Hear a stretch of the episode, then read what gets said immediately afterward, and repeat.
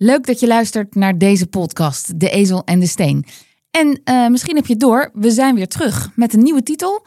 Drie afleveringen staan er nu op je te wachten en vanaf 8 januari zijn we exclusief te beluisteren bij Podimo.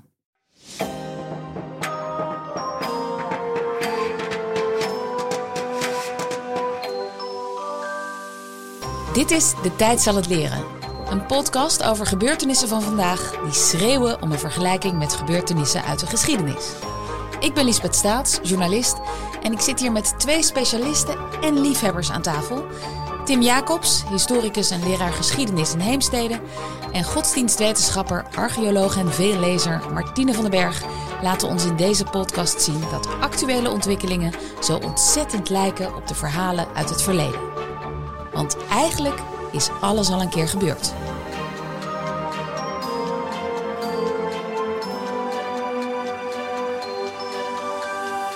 Met vandaag in het nu de crisis op de woningmarkt. Want wonen mag dan een grondrecht zijn dat vastgelegd is in artikel 22 van de Grondwet. Bevordering voor voldoende woongelegenheid is voorwerp van zorg der overheid.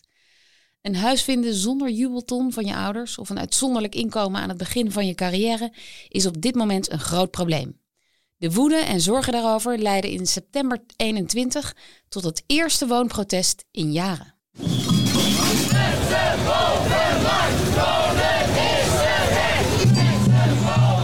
Verschillende steden gingen duizenden mensen toen de straat op in Nederland. Vooral jonge mensen.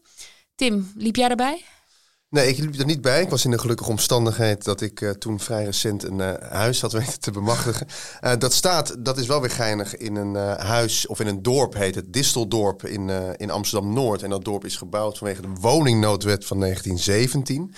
Um, komen we misschien nog wel over te spreken. Maar die zouden eigenlijk 35 jaar uh, blijven staan. Nou, vanaf 1917? Vanaf 1917, of in ieder geval wanneer ze opgeleverd zijn, 1920 uit mijn hoofd. Uh, nou, ze staan er nog steeds met, uh, met alle gebreken van dienst. Ze staan op betonnen platen, ze zijn niet onderheid. Dus dat is ook altijd spannend. Dat is niet helemaal oké. Okay. Wat betekent dat? nou, dat er, dat er vaak vocht doorheen komt. En dat het, nou ja, het is, het is, het zal wel goed komen. Maar... maar ze staan er nog wel steeds? Ze staan er nog wel steeds, maar we hebben nu, nu de gemeente van ons vraagt dat we gaan verduurzamen. Ik had toevallig onlangs een AOV, um, dat we van het gas af moeten en zo. Dat is bij ons allemaal heel erg lastig. We moeten gegraven worden. Nou, het, er, speelt, er speelt van alles. Het is, het is spannend. Never a dull moment in Disseldorp. In Disseldorp Noord, nee. Amsterdam Noord. En Martine, jij, hoe woon jij? Nou, ik woon uh, hartstikke fijn, want uh, niet alleen omdat ik fijn woon, een mooi huis heb, maar ook omdat ik hem heb gekocht precies uh, voordat de prijzen weer omhoog gingen. Dus ik mag mezelf gelukkig prijzen.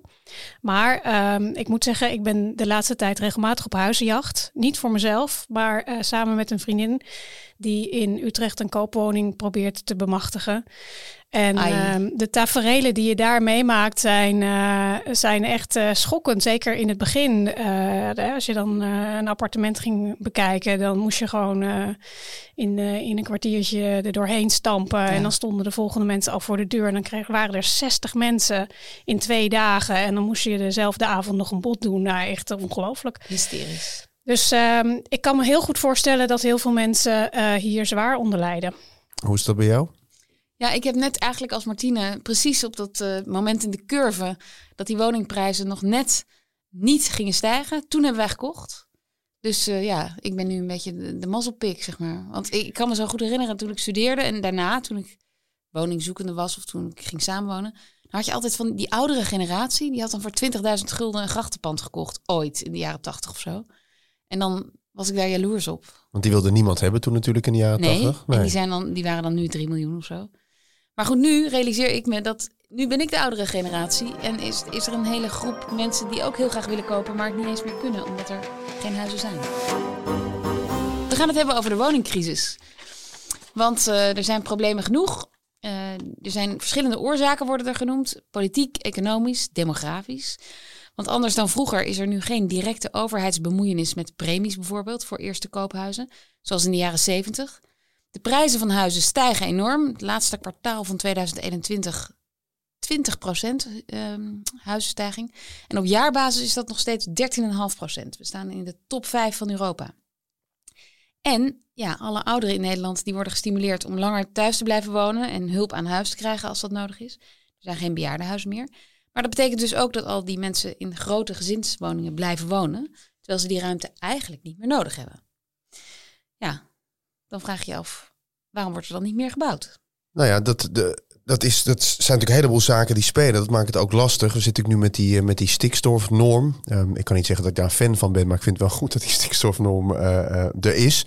Um, Schiphol, klimaatverandering. Dus er zijn ook plekken in Nederland waar we eigenlijk niet meer kunnen bouwen omdat ze aan het, aan het verzakken zijn. Dus zo op die manier speelt er een heleboel wat de bouw van nieuwe woningen.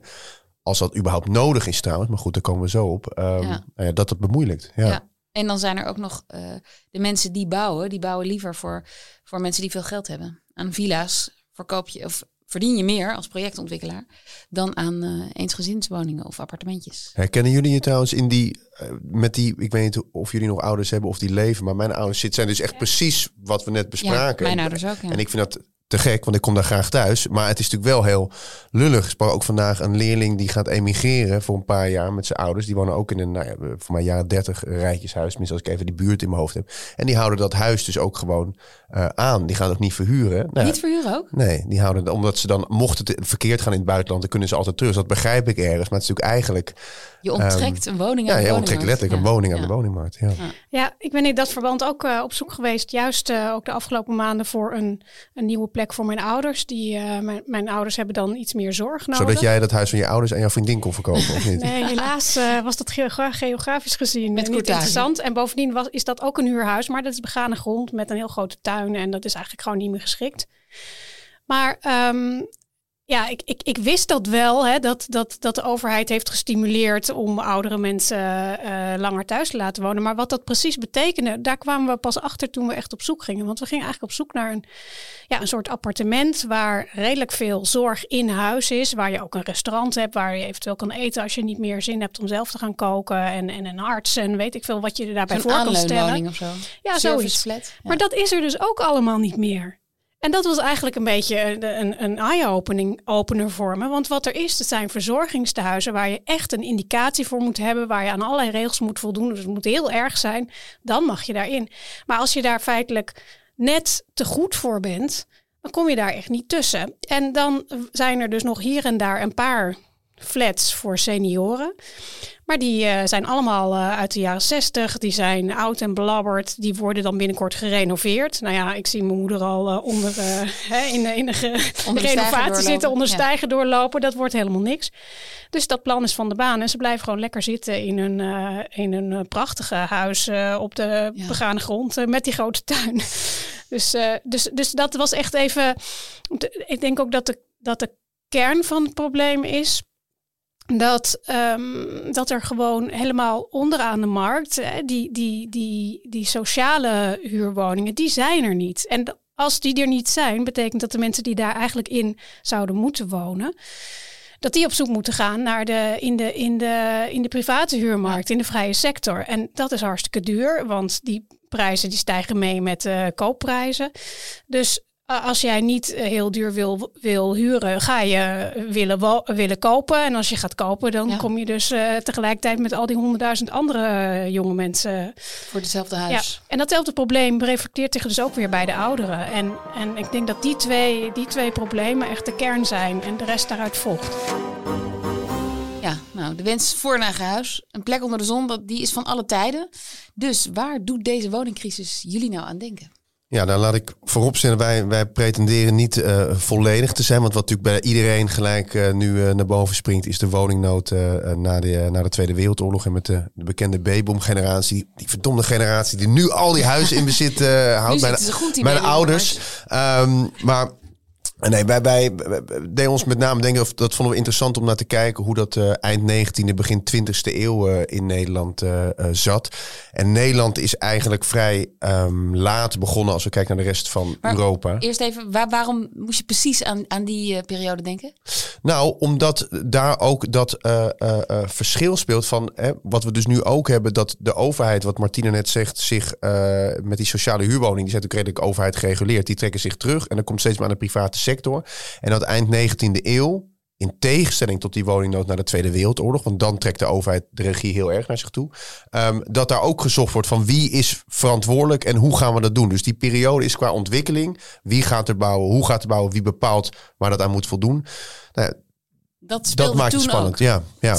En hoe zag Nederland er toen uit? Of, wonen in Nederland? Nou, wij waren vrij laat met, eh, met eh, industrialisatie in Nederland, met, met de industriële revolutie. Ehm, en eh, nou, er is een prachtig reisverslag van een Fransman, Havard, die, door, die, die wordt op een gegeven verbannen uit Frankrijk, doet er allemaal voor de rest niet per se toe. Die gaat naar Nederland toe en die schrijft een prachtig boek over allemaal dode stadjes aan de Zuiderzee. De Hoorn, Medemblik, Enkhuizen, allemaal prachtig, nog oude middeleeuwse stadjes, maar het is inmiddels wel twee, 300 jaar later dan hè, toen die stadjes floreerden. Hij gaat naar Amsterdam en hij ziet, hij Amsterdam is ook eh, doodoud. Komen we later op. eh, eh, Parijs is dat met de, de, de, de gekte van, van, van Haussmann en dat moet allemaal nationalistisch en die stad moet helemaal opknap, opgeknapt worden. Ze gooien alle middeleeuwse huizen eruit. Dus Nederland loopt eigenlijk heel erg achter en op het moment, of achter, in ieder geval...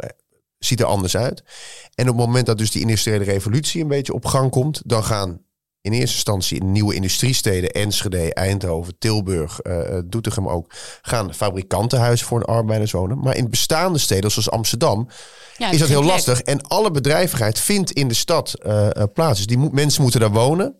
En wat je dan ziet, en dat kende die Fransman helemaal niet, is dat dus in het centrum van Amsterdam, rijk en arm, nog letterlijk bij elkaar om de hoek kunnen wonen. Dus je kan een mooi middenstandswoning eh, in de Jordaan bijvoorbeeld aan de gracht hebben, terwijl in Stegen daarachter eh, eh, 20, een familie van 20 in, ja. een, eh, in een washok zit. Ja. Want, want Martine, waren er dan ook te weinig woningen voor al die mensen in Amsterdam? Ja, of, dat of vooral hele slechte? Allebei. Ehm, kijk, eh, er kwamen zo ongelooflijk veel mensen naar, eh, naar de grote steden toe. Hè. In Amsterdam eh, verdubbelde het aantal inwoners in, in, in, in een decennium in het eind van de 19e eeuw. Dat ging ongelooflijk snel, dus het was gewoon niet bij te Allemaal om houden. werk te zoeken in die Precies, fabrieken. ja, om, om werk te zoeken. En het idee was natuurlijk ook dat het in de steden beter was. Het resultaat was dat ongeveer de helft van de mensen in Nederland in krotten woonde. Dus ehm, dat is echt, dat is echt ongelooflijk. eh, als je dat eh, tot je door laat dringen. En, en, en een prachtig boek, of eigenlijk een gruwelijk boek over dit onderwerp, is van Auke van der Woud. Ik heb het al een keer eerder eh, genoemd. Koninkrijk der Sloppen. En die, die, die vertelt ook dat, dat, dat, die, dat die wijken in de grote steden in Nederland echt op de favela's nu in Zuid-Amerika lijken. Dat was afschuwelijk. Dus wat gebeurde er? Mensen eh, eh, gingen in zo'n zo'n eh, in zo'n benedenwoning wonen. Er zat nog een kelder onder. Die werd vervolgens ook verhuurd apart. En die kelder werd vervolgens ook weer in tweeën gesplitst. Waar de mensen die dus aan de voorkant van de kelder wonen nog een beetje daglicht hadden van het raampje wat er dan Hè, boven, bovenaan zat. Maar de mensen die achter die partitie woonden, die hadden alleen maar het donkerte om zich heen. Dus zo werd de woningnood feitelijk opgelost door steeds kleinere ruimtes te maken. En daar woonden heel veel mensen. Dus je moet je ongeveer voorstellen, alleen in Amsterdam al waren iets van 5000 kelderwoningen. En daar wonen gemiddeld vier tot vijf mensen per kelder.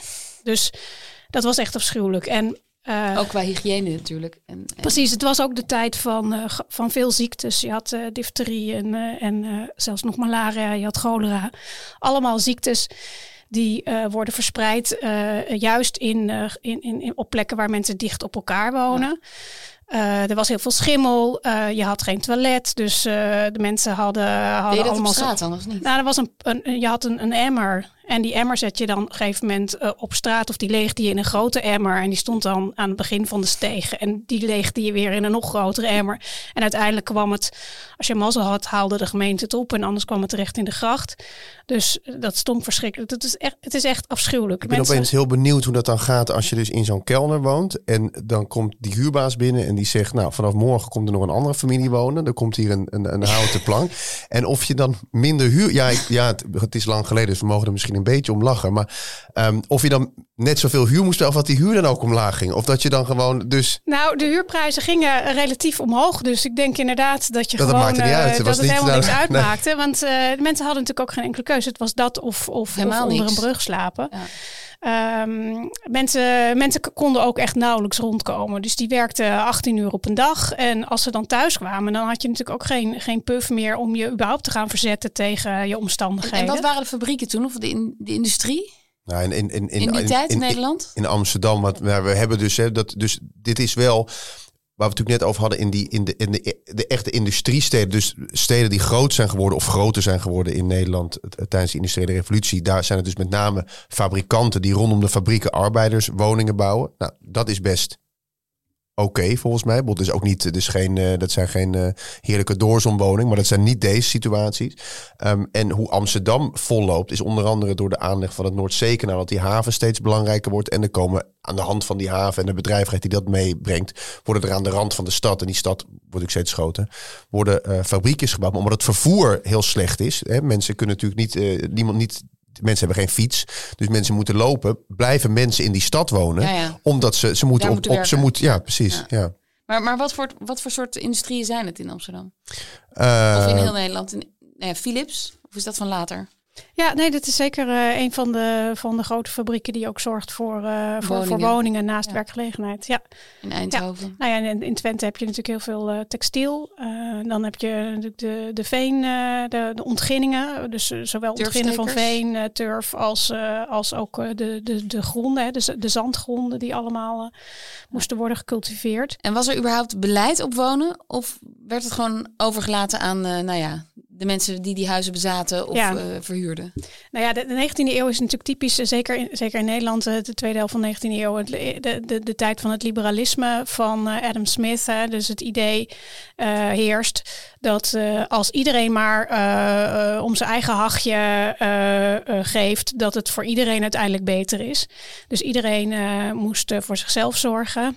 Dat was voor de eerste en tweede klas, hè, zoals dat toen ook heette in Nederland, gewoon prima te doen. Die rangen en standen waren natuurlijk Veel nog, sterker dan nu. precies, die, die, die bepaalden ook je kansen vervolgens. Maar dat waren de mensen ook die die boeken lazen. En die dus dachten dat dat het juiste, juiste manier was. Ehm, en wat je ziet is dat eigenlijk ook weinig mensen afweten van de ellende van die andere 50%. Dus die, die 50% van de Nederlanders die echt, eh, echt in verschrikkelijke armoede leefden. Dat was gewoon, ja, dat, dat, dat zag je niet. je niet. Zo. Precies. Dus ehm, eh, daarvoor had je dus mensen nodig ah, vanuit die, die, die betere eh, gegoede standen die zich eh, verdiepten in die achterbuurten.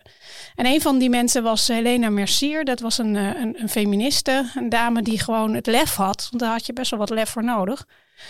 Om samen met artsen eh, die daar regelmatig kwamen de Jordaan in te gaan en al die steegjes te bezoeken en daar eh, verslag van te doen in tijdschriften die ook echt eh, werden door heel Nederland Oké, werden ze was een soort special reporter. Precies, voor die- voor de absoluut. En ze heeft uiteindelijk daar ook een boek over geschreven. Maar alleen al die artikelen hebben heel veel invloed gehad op, op de publieke opinie. Want de mensen die gingen zich toch afvragen van... ja, dit is toch wel een beetje schaamtevol. Hè? Dus we zeggen wel dat die mensen eh, hun eigen verantwoordelijkheid hebben. Maar hoe kun je überhaupt je gordijnen wassen als je hè, eerst de hele dag eh, in, eh, in de fabriek hebt gestaan en bijna geen, eh, geen eten hebt. dus, Ja. dat, dus mensen werden verantwoordelijk gehouden voor hun, voor hun ellende. Terwijl sinds Helena Mercier eigenlijk duidelijk werd dat misschien mensen dat helemaal niet konden. Dat ze toch echt geholpen moesten worden. En dat bracht een verandering teweeg. En wat was die verandering? Nou, dat is de verandering dat in ieder geval ehm, de overheid hierover gaat nadenken. Wie noemt dit wat jij net schetste eigenlijk? Dat is bekend onder de sociale kwestie van het vraagstuk wat doen we aan de arbeids- en de woonomstandigheden van, ehm, van, eh, nou ja, van de arbeiders. Ehm, nou ja, daar gaat natuurlijk eh, eh, socialisme komt op, die gaan daar wat mee doen. Maar goed, dit, dit, dit, dit woonprobleem. Daarvoor, als al mensen het zien, en jij geeft net Helene Machine, daar, daarvoor gebeuren ook wat dingen. Er zijn filantropische organisaties in Amsterdam, heb je eentje uit 1852, die dan met elkaar woningen eh, gaan bouwen voor die mensen die, eh, nou ja, die slecht eh, wonen. Um, maar onder andere door het socialisme gaan, gaan arbeiders zich op een gegeven moment ook verenigen. Um, die zien op een gegeven moment van, hey, of die gaan met elkaar uitrekenen of er is er, eentje die een keer wat gelezen heeft, weet je wel. En die ziet dan, hey, aan alles wat ik aan huur heb uitgegeven, had ik eh, de afgelopen vijf jaar ook een huis van kunnen kopen. Dus die gaan nadenken. Dan ontstaan er coöperaties. Dus geen corporaties, maar coöperaties. Waarbij die arbeiders samen geld gaan inleggen om zelf eh, eh, zaken te kunnen, te kunnen bouwen. Um, maar dan duurt het nog eigenlijk heel erg lang voordat de overheid daar een beetje regie uh, bij neemt. Um, en dat duurt eigenlijk tot 1901. Als ehm, eh, de liberalen, die dan nog steeds, eh er is nog geen algemeen kiezer, dus liberalen zijn nog, hebben nog een grote, eh, nou ja, veel aanhang in de, in de Tweede Kamer. Als op een gegeven moment gezien wordt van, hé, hey, we moeten er iets aan doen, en dan komt er een woningwet waar eigenlijk wordt vastgesteld, als er nieuwe woningen komen, moeten die hieraan voldoen. Hè? Want met het voorbeeld dat Martine net noemde van, nou, dat ophokken en alles, nou, dat mocht dus, want het was vrije markt, Ja. prima. Niemand en een woning. daglicht zijn in een woning. Nee, dat, dat maakt helemaal niet. Dat stond nergens beschreven. Dat doen we dus ook niet. En die mensen moesten toch ergens wonen. Ehm, Maar, maar even, nog, nog even terug naar eh, die Fransman die jij aan het begin Ja. van de- dit gesprek eh, beschreef. Die keek zijn ogen uit. Die zei, wat is dit voor stinkende bende hier? Want was, het, was Nederland daar... eh, was het een particulier Nederlands probleem? Ehm, nou, het, het, het, het, die woningen niet, maar het, dat het enigszins zichtbaar was in. En we hebben het nu wel dan over. eh, dus die man is niet, heeft niet per se Tilburg of Enschede, wat echt andere zijn, omdat daar dus die, die, die wijken rondom die fabrieken staan. Maar wat in Amsterdam eh, aan de hand was, was dat dus naast de relatief eh, mooie middenstandsdingen. En Amsterdam is nog, nog helemaal niet groot, hè, dus we hebben het echt bijna alleen nog over de eh grachtgordel, Jordaan, et cetera.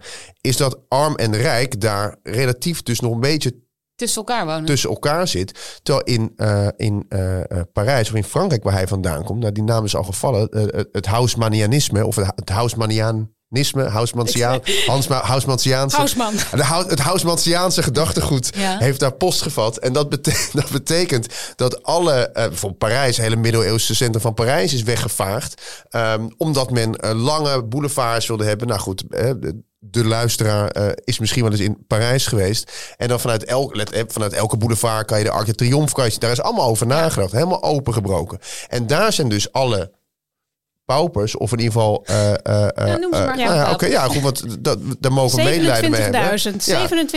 27.000 huizen zijn afgebroken. Ja. Parijs. Ja. En die mensen zijn verdwenen. Want er kwamen 100.000 huizen voor terug, dus dat klinkt goed. Alleen, dat waren andere mensen. Ja. Dat was middenstand. En die paupers, die, ja, Die werden verdreven naar werden de verdreven. outskirts Ja. of zo. Ja, zoals dus- dat nog steeds gaat eh, bij grote steden natuurlijk vaker. Nou ja, in die zin is natuurlijk die gentrificatie is, ja, is natuurlijk andere oorzaken, maar of tenminste andere, andere, maar het lijkt natuurlijk heel erg erop. Ja. Maar goed, maar in, in Parijs was het dus heel duidelijk een beleid. We gaan nu hele mooie, statige gebouwen Ja. maken met appartementen Ja. waar daglicht is en, Ja, en, en, en, sanitair. en dat maakt dus, hè, ik- nou ja, goed, ik, ik kan niet in die, in, die, in die hoofden van die Franse bewindspersonen kijken, of tenminste, ja, wat, wat zou er met die 27.000 gebeuren, of tenminste Ja. met die bewoners van Hey, die ik ben naar ze huizen. op zoek geweest deze week, maar ik kon ze echt nergens meer terugvinden. Ik kon ook nergens... Niemand weet dat. Nee, dat, dat, het gaat of Het over hoe geweldig. Hausman is, Ja. of, eh, of, of, of eh, van critici op zijn architectuurbeleid. Maar eh, die mensen die, ja, die zijn gewoon in de geschiedenisboeken eh, Verdwenen. verdwenen. Wat, en wat, wat ook bij, dat, bij, bij die Houseman een belangrijke rol speelt, of in ieder geval bij dat idee, is dat, eh, dat steden allure geeft. Hè? Ehm, eh, jij Ja, vertelde dat is dat je. in Parijs. Nou, dat mag je zeggen. En jij vertelde dat je in Baku eh, was. Ja. heel veel steden in Europa, daarvan lijkt het centrum gewoon best op elkaar. Met van die brede allees. Ja, Brussel. en dat is, allemaal, het, is allemaal, dat is allemaal dat idee. En Amsterdam is daar achteraf gezien gelukkig van gevrijwaard gebleven. De enige Hausmansiaanse eh, doorsteek in onze hoofdstad is, is, is de Raadhuisstraat. Dat is de enige, dat is, eh, de enige Oh, soort ja. van doorbraak van random eh, eh, brede straat, wat niet een gedempte gracht is. Maar het had wel bijna anders gegaan. Hè? Want de, de pijp, daar is wel over nagedacht om dat ook op zijn Hausmans te doen. De eerste ideeën over de pijp waren dat bijvoorbeeld waar nu het Sarfati Park is, dat daar dus het Centraal Station zou worden gebouwd. En dan dus met allemaal mooie doorkijkjes en dingen en groots en meeslepend. En de gemeenteraad heeft dat uiteindelijk afgeschoten. Ik weet niet of dat was omdat ze dat boek van die, eh, van die Fransman hadden gelezen. Of wa- wa- waardoor ze dat briljante inzicht hadden En dat ze dat niet moesten doen. niet? Ik denk het wel. Ik denk dat dit in elk geval iets heel unieks eh, geeft Ja, aan. maar de- voor de, voor de Maar goed, bewoners van de pijp toen... Precies wat er gebeurde in de pijp was dat er dus revolutiebouw kwam. Dus wat gebeurde er? En dat was ook eens weer het gevolg van de vrije markt. Er was, eh, de, eh, banken gingen ineens hypotheken geven op bouwplannen. Hè, dus waar het vroeger alleen was voor een bestaande bouw, kwam er ineens een nieuw concept bij. En dat betekende dat mensen gingen speculeren. Dus je kon een hypotheek krijgen om iets te bouwen. Nou, dat gingen mensen vervolgens doen. En het dan daarna weer snel verkopen met veel winst. Ehm, en dat betekent dus dat heel veel ehm, gebouwen in de, eh, in, in, de, in de pijp gewoon van abominale kwaliteit waren. Die, die stortten al in voordat je er überhaupt eh, ging wonen. Eh, en dat, is dus, dat was inderdaad geen goed plan. Maar goed, hè, over de tijd heen is het toch nog wel wat geworden met de pijp. Maar en, en eh, Tim, nog even terug. Jij zei net eh, die coöperaties, dat die arbeiders zich gingen verenigen. Is dat ook het begin van de woningcorporatie? Uh, nou ja en nee. Uh, uh, ja, want het lijkt er ergens een beetje op, maar ook weer niet. Dat mensen samen, of tenminste dat er dus gereguleerd, maar dan, het is natuurlijk wel privé-initiatief van die mensen dat er huizen gebouwd worden. Um, maar na het invoeren van die woningwet verdwijnen een heleboel van die coöperaties, omdat die aan allemaal wetten mo moeten voldoen. En wat je dan ziet gebeuren is dat vanuit de verschillende nou ja, zuilen, dus bevolkingsgroepen, even makkelijk, hè, socialisten, katholieken en protestanten, dat de woning corporaties worden op, uh, opgericht. Die krijgen geld van de overheid dus om nu fatsoenlijke huizen te gaan bouwen. Maar dat, zijn, dat is dan dus niet de kerk die dat betaalt bij zo'n woningcorporatie als het katholiek is of christelijk? Nee, dat is dus die krijgen, die krijgen geld van de overheid en die zullen misschien dat weet jij dat krijgen die ook worden die ook nog gesponsord dan tussen haakjes door ja, de dus, kerk? Dus dus um, uh, nou ja, de kerk zal er ongetwijfeld ook al mee betaald hebben. Maar het idee was inderdaad, het is wel een heel typisch Nederlandse oplossing. Dus de overheid wil aan de ene kant meer inspraak. Hè. Die, die woningwet was echt revolutionair in die zin dat de overheid zich echt actief ging bemoeien met. met Want daarvoor was welke, helemaal geen wet. Welke woningen worden gebouwd, waar, welke eisen ze moeten voldoen, waar ze worden gebouwd, voor wie. Uh, en dat is ook de reden dat in die periode vanaf de woningwet, of eigenlijk vanaf het einde van de Eerste Wereldoorlog, want dat duurde nog even voordat het echt lekker op gang kwam, uh, dat er een miljoen uh, huizen zijn gebouwd. Een miljoen. Tot, tot, uh, tot de Tweede Wereldoorlog. maar goed, dat werkte dus zo dat, die, dat um, als jij dus aan die eisen kon voldoen, dan kon jij een vereniging oprichten. En dan kreeg je geld van de overheid om die plannen te realiseren. En dat konden dus zijn protestantse wijken of katholieke wijken. Dus het heeft de verzuiling wel in de hand gewerkt, dit plan. Maar het heeft er ook voor gezorgd dat heel veel mensen een fatsoenlijke woning kregen. Dus het is echt in, in, in eh, toch best wel een wonderbaarlijk goed gegaan. Um, alleen dat hele idee uit de 19e eeuw van die, die eerste corporaties, hè, van uh, super um, mensen gaan als een soort grassroots. Hè? Dus mensen gaan zichzelf verenigen en zelf ja. uh, woningbouw. Op den duur kwam daar wel een beetje de klad in. Want die, die, die nieuwe verenigingen, de corporaties werden heel, heel best wel sterk. Maar de, mens, de inspraak van mensen ging steeds uh, verder achteruit. Zeker omdat mensen natuurlijk weer een huis verkopen of huizen ergens anders gaan wonen. Uh, dus dus dat, uh, dat idee dat het echt een project voor de van de bewoners voor de bewoners is, dat ging op den duur wel. Uh, nou, ook omdat die corporaties best wel stichtelijk konden zijn ook. Hè? Dus dat er dan gezegd werd van, hè, dan, dan kwam dus dan, nou ja, iemand uit de, uit de hoge stand die dan zo'n corporatie runde, die kwam dan even die, die wijk in en die zei, ho ho, en dan hangt die was buiten op zondag. Ik wil niet dat er gevoetbald wordt. Wat later ik op een gegeven moment dat, las ik, dat mensen leuke Indische kleedjes op tafel hebben. Nou, dat mag ook niet, want het is allemaal te druk en je moet wat ruimere meubels neerzetten. Dus je werd natuurlijk ook in die zin. Super bevoogdend. Ja, maar wat, dat is misschien een beetje een zijpaadje, maar wel eentje die we hierbij. Ik, ik las dus, hè, je, hebt, je hoort natuurlijk wel eens dat in um, uh, sommige wijken dat je daar uh, niet over straat kan, uh, om, omdat je dan anders bent dan wat er in die wijk gebeurt. Dat is dus, los van het feit dat het natuurlijk heel treurig en, en naar is dat dat is. Maar dat gebeurde toen ook, want je, je liet je als protestanten ook niet zien in een wijk waar, zeg maar, hè, waar, waar, waar, de katholieke corporatie dan weet je ook met pek en veren de, de wijk uitgejaagd. Ja, ja en wat, wat, ook, uh, wat, wat ook wel geholpen heeft. Bedoel, het is natuurlijk allemaal heel betuttelend. Hè? Dus je wil natuurlijk eigenlijk niet dat je tegenwoordig dat je, dat je verhuurder bij jou thuis komt controleren of je wel of geen Indisch kleedje op je. Ligt, ligt ook aan hoe eenzaam je bent natuurlijk. Misschien is het anders is het wel prettig. Maar uh, je moet bedenken dat, uh, dat, dat uh, in de 19e eeuw natuurlijk zoveel besmettelijke ziektes waren geweest. Waarvan de meeste destijds, hè, tot de Spaanse griep, uh, van, door bacteriën kwamen. Die bacteriën werden ontdekt en toen kwam er een soort van, van, van enorme uh, trend om zo hygiënisch mogelijk te leven. Te leven. En daarvoor moest je ook um, meubels hebben die, um, die uh, geen tierlantijntjes hadden. Dus geen uh, hout met allemaal hoekjes en Meen je dit nou, want, want, makkelijk afneembaar, echt waar? Makkelijk ja? afneembaar. Met een doekje eroverheen. Oh, het hele modernisme, hè? dus, dus um, Rietveld, et cetera. Wat, wat daar heel centraal stond, was makkelijk schoon te maken. netjes te houden, goed te vegen. Dus bijvoorbeeld ronde hoeken. Je ziet in de Amsterdamse school, hè, die hele stijl die ontstaat, zie je ook vaak van die, van die relatief ronde balkonnetjes, ronde dingen. Dat was allemaal om ervoor te zorgen dat, dat, er geen vuil ophoopte in de hoeken. Dat wist ik niet.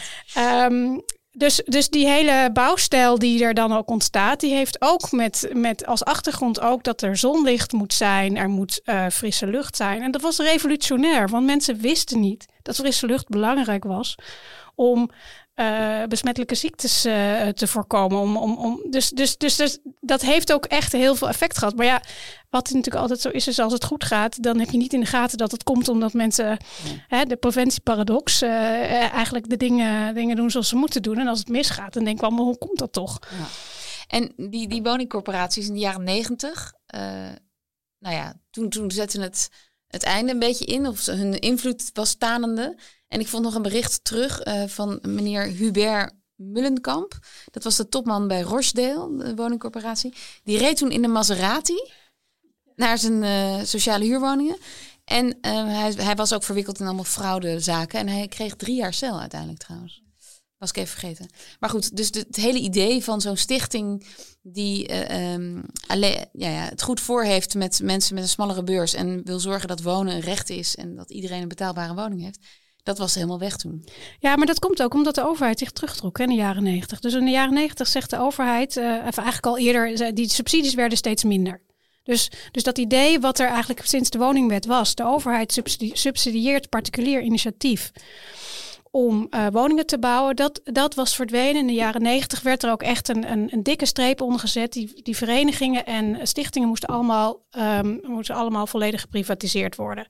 Op het moment dat ze geprivatiseerd zijn, zijn het marktpartijen. En marktpartijen zijn nou eenmaal uh, uit winst. Dat, is, dat hoef je niet heel diep over na te denken. Op het moment dat je uit bent op winst, dan is het niet handig om sociale woningen te, woningen te bouwen. Want waarom zou je? Als je gemeentes hebben daar ook niks aan. Het, en, het, met het enige waar ze nog wel gebonden zijn, is dat ze een, dat ze een x procent en wel, wel een groot percentage van hun voorraad, uh, hè, dat wat betaalbare sociale huur moet zijn. Dat is, dat is nog wel waar ze aan zijn gebonden, maar ze worden niet. Ze worden maar dat is volgens mij later weer ingevoerd, omdat het wel heel uh, gek werd. En toen was eigenlijk het kwaad al geschied. Uh, en dan zie je dus in de jaren nul, zeg maar, dat er dus heel veel, of wel heel veel, er zijn een aantal schandalen geweest. Er zijn natuurlijk ook heel veel woningbouwverenigingen geweest die het wel goed deden, maar ja, die vergeten we dan ook weer. Maar goed, met als gevolg dat, dat er gewoon echt te weinig uh, um, is gebouwd en uh, is voor gefaciliteerd doelgroep, Voor, voor de doelgroep die het nodig ja. heeft. En die doelgroep is dus nu aangewezen op woningen die te duur zijn, waardoor je dus daar enorme krapte krijgt. Ja.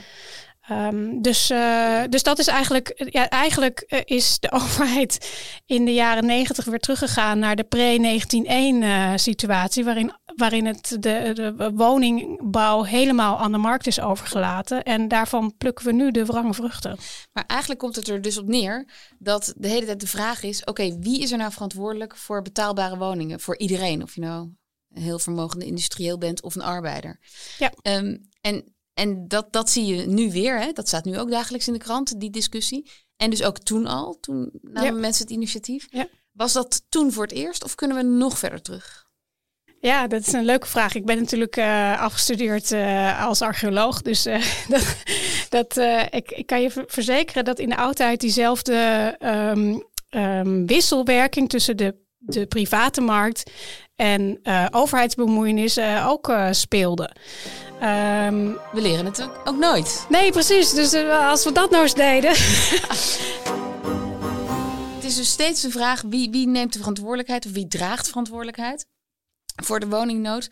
Uh, kunnen we iets leren van het woningdrama in de 19e eeuw, die stinkende bende hier in die grote steden? Nou ja, wat je volgens mij kan leren, wat we nu ook weer zien, is dat op het moment dat de overheid zich terugtrekt, dat het dan scheef gaat lopen in, um, hè, in het aanbod. Of, of nou ja, nou goed, die woningwet. En er zijn natuurlijk nu regels, die, de, eh, dat, dat, dat mm zit er nu in. Maar op het moment dat de overheid zich terugtrekt, hè, wat was nu, waar, we, waar we mee begonnen, het is voor projectontwikkelaars en geeft dus ongelijk, gewoon aantrekkelijker om grote huizen te bouwen. Maar daarmee tackle je niet het, het, het, het, het probleem. Nee, dus, nee. Dus nou ja, er is nu natuurlijk ook sinds kort weer eigenlijk ook idioot dat dat was afgeschaft. Uh, er is natuurlijk weer een minister van Volkshuisvesting. Uh, uh, maar goed, dat is dat, uh, ja, meneer Hugo. Maar dat, ja, dat, ja, dat is een gigantische en misschien daarom ook wel uitdagende mooie taak. Maar ja, die ziet ze met heel veel dingen uh, geconfronteerd. Maar ja, ik zou dus zeggen, de overheid moet zich toch hiermee blijven bemoeien. Want anders krijgen we de... Er is nog iets heel anders wat we ervan kunnen leren, denk ik. En dat is die participatie van de mensen zelf.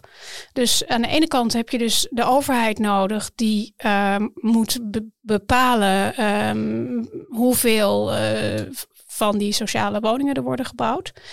Tegelijkertijd denk ik ook dat het helpt om veel meer burgers te betrekken bij de beslissingen over wat er wordt gebouwd en hoe dat mhm. eruit ziet. Want wat je ziet, en daarom vond ik jouw podcast uh, met de TBS zo interessant, is dat je feitelijk wordt er in totaal wel genoeg gebouwd. Alleen de verdeling voor wie er het nodig heeft en wat die dan voor ruimte nodig hebben, dat loopt scheef. Ja.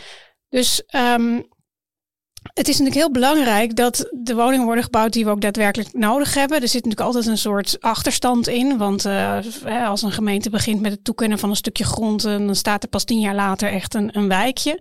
Dus je loopt eigenlijk altijd al een beetje achter. Dus het is heel belangrijk dat in die eerste fase, en dat is dus nu, dat er veel meer mensen zijn die zich ook daadwerkelijk mee bemoeien. Uh, mee bemoeien. Ja. ja, nou zitten we met al die woningbouwplannen. Hoe kijken we hier over 100 jaar op terug, Martine? Nou, ik vind, um, zoals Tim ook al eerder zei, uh, het, het, het klakkeloos bijbouwen um, wel iets om goed op te letten. Um, zeker als het gebeurt in uh, polders. Uh, volgens mij staan die over 100 jaar onder water. Tenzij we met z'n allen in een uh, aantal graden. Ja, er zijn hele plannen voor, hè? hele kaarten geschetst. Ja, van, maar die kaarten worden dus niet gedeeld met de gemeentes die de bestemmingsplannen maken. dat is heel bijzonder, vind ik dat. dat zijn gewoon twee heel verschillende kanalen en die praten niet met elkaar. en, en dus worden er gewoon allemaal woonwijken gepland. weet ik veel, vijf meter en naar beneden NAP. Ik, ik, Wat denk jij, Tim? Hoe ziet het eruit? over. Jaar. Nee, ik denk dus dat er allemaal alleenstaande in, in jaren 30 familiewoningen wonen. Omdat we gewoon te veel huizen hebben dan als het zo eh, doorgaat. Nou ja, ik, ik denk dat het, je kan, en dat is natuurlijk, dat is natuurlijk lullig. Dat is ook, daar kunnen we een beetje lachig om doen. Maar de overheid hè, moet ook maar plannen maken. Uh, en je kan cijfers op allerlei manieren interpreteren. Maar mijn gevoel zegt wel dat er nu te veel gebouwd gaat worden als ze dat uh, gaan doen. Dus dan gaan we over 100 jaar gaan we erop terugkijken. En och, och, och, och, och. Ja. Wat ze hebben niet gezien gedaan? toen dat er niet, zoveel, niet zozeer meer gebouwd moest worden. Maar er moest heel specifiek gebouwd worden. Anders bouwen, ja. En, en, dat is, en dat, dat is om die laatste parallel nog te trekken dan met 1901. In 1901 hebben ze denk ik uh, het goede gedaan. Omdat er een maatschappelijk probleem is over die hygiëne en die slechte arbeidsomstandigheden, et cetera. Wordt op de agenda gezet. Gaan we wat aan doen? Doen we wat aan woningen? Oké. Okay. Um, en wat je uh, uh, nu zit, denk ik, is dat er nu ook, omdat iedereen maar kan roepen, dus die arbeiders van toen tussen haakjes zijn nu zijn mondiger geworden nu. En roepen zelf allemaal van, hè, we, we moeten dit kunnen hebben en dit kunnen hebben en dit kunnen hebben, zodat het probleem ook, nou ja, misschien wel niet groter gemaakt dan het is, want het is een probleem voor de mensen die mee te maken hebben, maar wel, uh, nou ja, maar je kunt, als je, zit, jij zit gewoon een beetje te lachen. Als nou, ik zit te lachen. Nee, maar ik moet, ik, ik doe, het, ja, het is natuurlijk heel flauw. En, en ik zoek op dit moment geen woning, dus ik heb makkelijk praten. Hè? We hadden het al gehad over die, ja. die gouden grepen in ja, 2014. Een moment, ja. Maar um, ja, als ik dan uh, dat boek van uh, Auke van der Woud lees over hoe ongelooflijk verschrikkelijk de omstandigheden waren uh, voor onze overgrootouders in de sloppenwijken, sloppenwijken, dan, dan denk ik ja. En, en, ook, hè, mijn eigen ouders woonden in de jaren zestig ook nog in bij familie toen ze getrouwd waren, omdat er simpelweg geen, geen, geen huizen waren. Die situatie was wel echt objectief gezien wel een stuk. Ja, dus, dus, dus, dus, dus, dus wij zijn gewoon, wij zijn verwend. En omdat je nu van iedereen alles kan zien en er een grote groep is die het, die het prettig voor elkaar heeft, kan je ook zeggen, ja, dat wil ik ook. Ja, maar misschien kan dat niet en dat is misschien oneerlijk en dat is niet prettig. Maar dus we willen ook allemaal heel veel. Hè? Dus wat je net zei met dat inwonen, uh, tot slot, er werd gewoon toch na de Tweede Wereldoorlog werd gezegd, er werd tegen mensen werden gedwongen als ze een groot huis hadden om mensen in, uh, te nemen. in huis te nemen. Nou, dan, moet je, dan, dan, moet je, dan moet je nu mee aankomen. Nou, ik heb er wel eens over nagedacht hoor, om kost te nemen. Ja, jij, jij hebt over nagedacht. het, is jou niet, het is jou niet opgedrongen door een wethouder die voor de deur stond. Nee, precies. Dat zou toch net weer even anders voelen, denk ik. Tim, wat was de leukste vraag in de klas deze week? Uh, de leukste vraag was uh, wie eigenlijk de meest uh, moordlustige dictator was. heb jij een idee? 20e eeuwse dictator? Of, nou, of 19e eeuw mag ook. Wie, wie, wie? Verreweg ook is het. Ja, ik dacht Stalin misschien. Ja, die staat op twee. Uh, het is Mao, Mao Zedong. Okay. Uh, 70 miljoen. Uh, en op nummer vier staat Leopold II van België, van Congo. laten, we dat, uh, laten, laten we dat niet vergeten. Ongelooflijk. Ja. Was Ja. die- Waarom moet je daar zo om lachen? Omdat we ja, in 1831 misschien dan toch wat harder moeten vechten. Ja. ja. Daar, Ja. dat, dat- dames en heren, het gaat over een andere podcastaflevering. Lu- Luister hem terug. Luister hem vooral terug. Het gaat over Taiwan. ja. En dan ben je zo in België in 18, ja nee, 1831. uiteraard. En Martine, wat was het beste dat jij las deze week? Ja, ehm, nou, ik had op eh, Koningsdag een, eh, een, een eh, boek van Bernlef van een kleedje geplukt voor, voor, voor 50 cent. Ja, het is, het is echt een schandaal. Ber- Bernlef is echt een, echt een, fenomenale schrijver. Die pas populair werd toen hij hersenschimmen had geschreven. Maar daarvoor heeft hij echt al 30 andere publicaties gehad. Dat is ongelooflijk. Dit boek heette Boy en dat is in 2000 eh, heeft hij dat geschreven. En eh, ja, weet je, dat koop je dan eh, zonder al te veel eh, naar te kijken. Maar ik was echt blown away. Ik vond het zo prachtig. Het gaat ook over het begin van de 20e eeuw. Dus dat sluit dan mooi aan. Maar het gaat vooral over ehm, de stomme film. De tijd dat films nog geen audio hadden. Er wordt een, ehm, een actrice vermoord. En ehm, een doofstomme jongen. Nou, niet voor niks doofstom en stomme film. die wordt daarvan verdacht nou ja, op het eerste gezicht denk je het is gewoon een soort hoe dan het en eh, nou leuk. Maar het gaat ook echt over hoe ziet de wereld eruit als er geen woorden zijn. En dat is een hele Mooi. mooie filosofische vraag die me nog steeds eh bezighoudt. Zeker als we weer zo'n heel podcast hebben Ja. vol zitten kletsen. Ik wou net zeggen. Dan, Ik hoop niet eh, dat je daar nu te veel aan dacht. ja, nee, het is, het is prachtig. Zeker een aanrader. En dit was De Tijd zal het leren. Abonneer je op ons om nooit een aflevering te missen. En laat ook vooral een review achter, want dat vinden we heel fijn.